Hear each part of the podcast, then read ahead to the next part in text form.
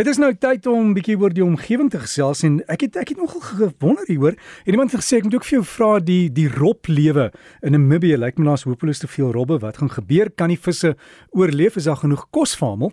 Ek weet nie en mense wil nie betrokke raak by daai debat nie. Maar vandag jakkalse wat is dit is hulle omnivore? Professor Rialet Pieters van Noordwes Universiteit. Môre Derek en luisteraars. Meeste van ons het al rooi jakkalse gesien. Hulle kom in die ooste en suide van Afrika voor en jag klein prooi of aas by karkasse wat deur groot predators agtergelaat is. Maar in die eerste uitgawe van Journal of Zoology van 2024 publiseer Suid-Afrikaanse van die Universiteit van Kaapstad en Namibiese navorsers oor die interessante gedrag van die rooi jakkals om die spanspekagtige vrug, die Nyara, ook te vreet. En daar's 'n baie belangrike rede daarvoor. Dis redelik bekend in die wetenskap dat karnivore 'n rol speel by die verspreiding van die saad van sekere plante. Ja, jy het reg gehoor. Al word die, die byvoorbeeld die bakoorjakkals of die Asiatiese swartbeer gekategoriseer as karnivoor en dis hoofsaaklik vleisvretend is, is daar tog van hulle wat ook vrugte vreet. En karnivore blyk effektiewe verspreiders van die saad van die vrugte wees want hulle het nie die reuse maaltande van die tipiese herbivoor nie en kan die sade van die vrugte vernietig tydens die kouproses nie. Die sade word later ongeskonde uitgemis ver weg van waar dit oorspronklik gevreet is. Op dië manier het die plant sy saad versprei en kan dit ontkiem sonder om mee te ding vir dieselfde hulpbronne as die moederplant. Die Nyara plante is endemies aan die Namib-woestyn. Hulle rank op die grond en maak spanspekagtige vrugte van so 10 tot 20 cm in deursnee en het 'n stekelrige skil. Hulle vervaardig 20 tot 500 vrugte per seisoen wat kan wissel in grootte van 600 gram tot 1 kg en elkeen kan enige iets van 150 tot 350 sade bevat. Die Nyara vrug bly groen kleurig ook wanneer dit ryp word sodat dit selfs vir die mens wat goed tussen kleure kan onderskei moeilik is om te weet of die vrug dan nou ryp is of nie. Baie diere vreet die njara, gemsbokke, volstruise, donkies, beeste, Kaapse uistervarke, olifante en dan nou die rooi jakkals, in Engels bekend as die black-backed jackal. Die navorsers wou weet of die rooi jakkals opportunistiese vreters van die Nyara vrugte is en of hulle doelbewus daarna gaan soek deur dit met hulle reuksintuig op te spoor.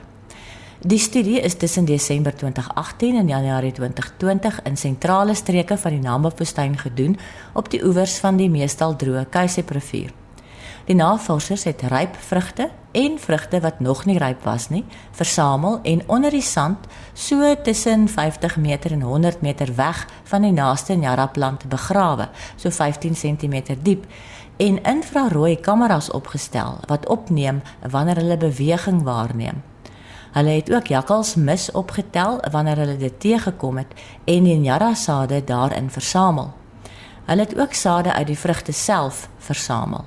Hulle het die sade vir 24 uur in water geweek en toe gekyk hoe lank dit elke groep sade neem om te ontkiem. Van al die nagdiere wat die Nyara vrugte opgesoek het, was die jak rooi jakkalse die meeste. So af en toe is 'n bruin hyena, ook genoem 'n strandwolf en silvervos, klein kol, muskeljaatkate en swartkwas muishonde waargeneem. Die rooi jakkalse het die ryp vrugte onder die sand uitgegrawe en net een vrug per nag weggedra om op 'n ander plek te gaan vreet. Die ryp vrugte is vinniger opgegrawe as die wat nog nie ryp was nie, want 'n ryp Nyara vrug het 'n kenmerkende geur en kon die diere dit vinnig opspoor. En soms het die rooijakkals die vrugte so halfpad oopgegraaf, dit met sy of haar urine gemerk en dit dan so gelos. Die vrugte is wel 'n paar dae later weggedra om gevreet te word, maar die navorsers kan nou nie met sekerheid sê of dit dieselfde jakkals was wat dit oopgegraaf het wat dit nou kom wegdra nie. En hulle is ook nie seker nie of die jakkals die vrug wou merk om later uit te ken of is dit om die geur van die ryp wordende vrug vir ander diere te verbloem. Die Nyara sade het statisties betekenisvol meer ontkiem wanneer dit eers deur die spysverteringskanaal van die jakkals beweeg het. Die verteringssappe was nie sterk genoeg om die saad heeltemal te verteer nie, maar sterk genoeg om van die buitenste omhulsels weg te vreet sodat ontkieming daardeur vergemaklik kan word. Nie net kry die jakkals kos en water uit die sappige vrug nie, maar help hy weer op sy beurt om die saad van die plant te versprei. Ek het op Gateway Africa se webwerf afgekom op 'n sanfabel oor waar die rooi jakkal sy Engelse naam Black-backed jackal gekry het.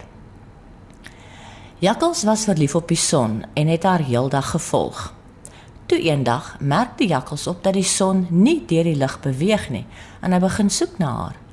Nadat hy byna die hele dag lank na haar gesoek het, kry hy haar in die takke van 'n groot doringboom vasgehak.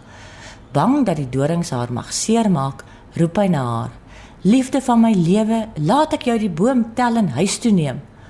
Maar die son het geantwoord dat dit nou nie so goeie idee sou wees nie. "Jy is nie sterk genoeg en lank genoeg om my te dra nie," het sy gesê. "Jy moet die sterk olifant roep. Ek is ook so baie warm en sal jou net seermaak." Maar Jakkals was baie verlief op die son en hy wou nie na die waarskuwings luister nie. Toe spring hy in die boom op, gryp die son aan 'n been en trek haar uit die boom uit.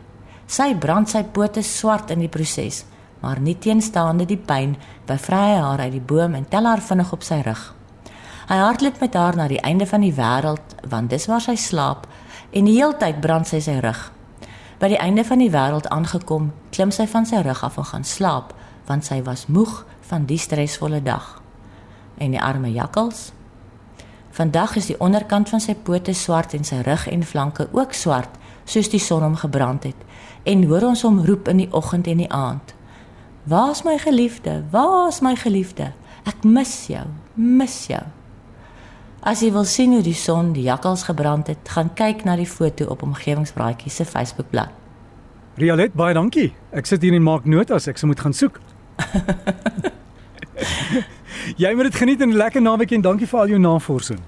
Dankie Derek, groete aan almal en 'n heerlike dag.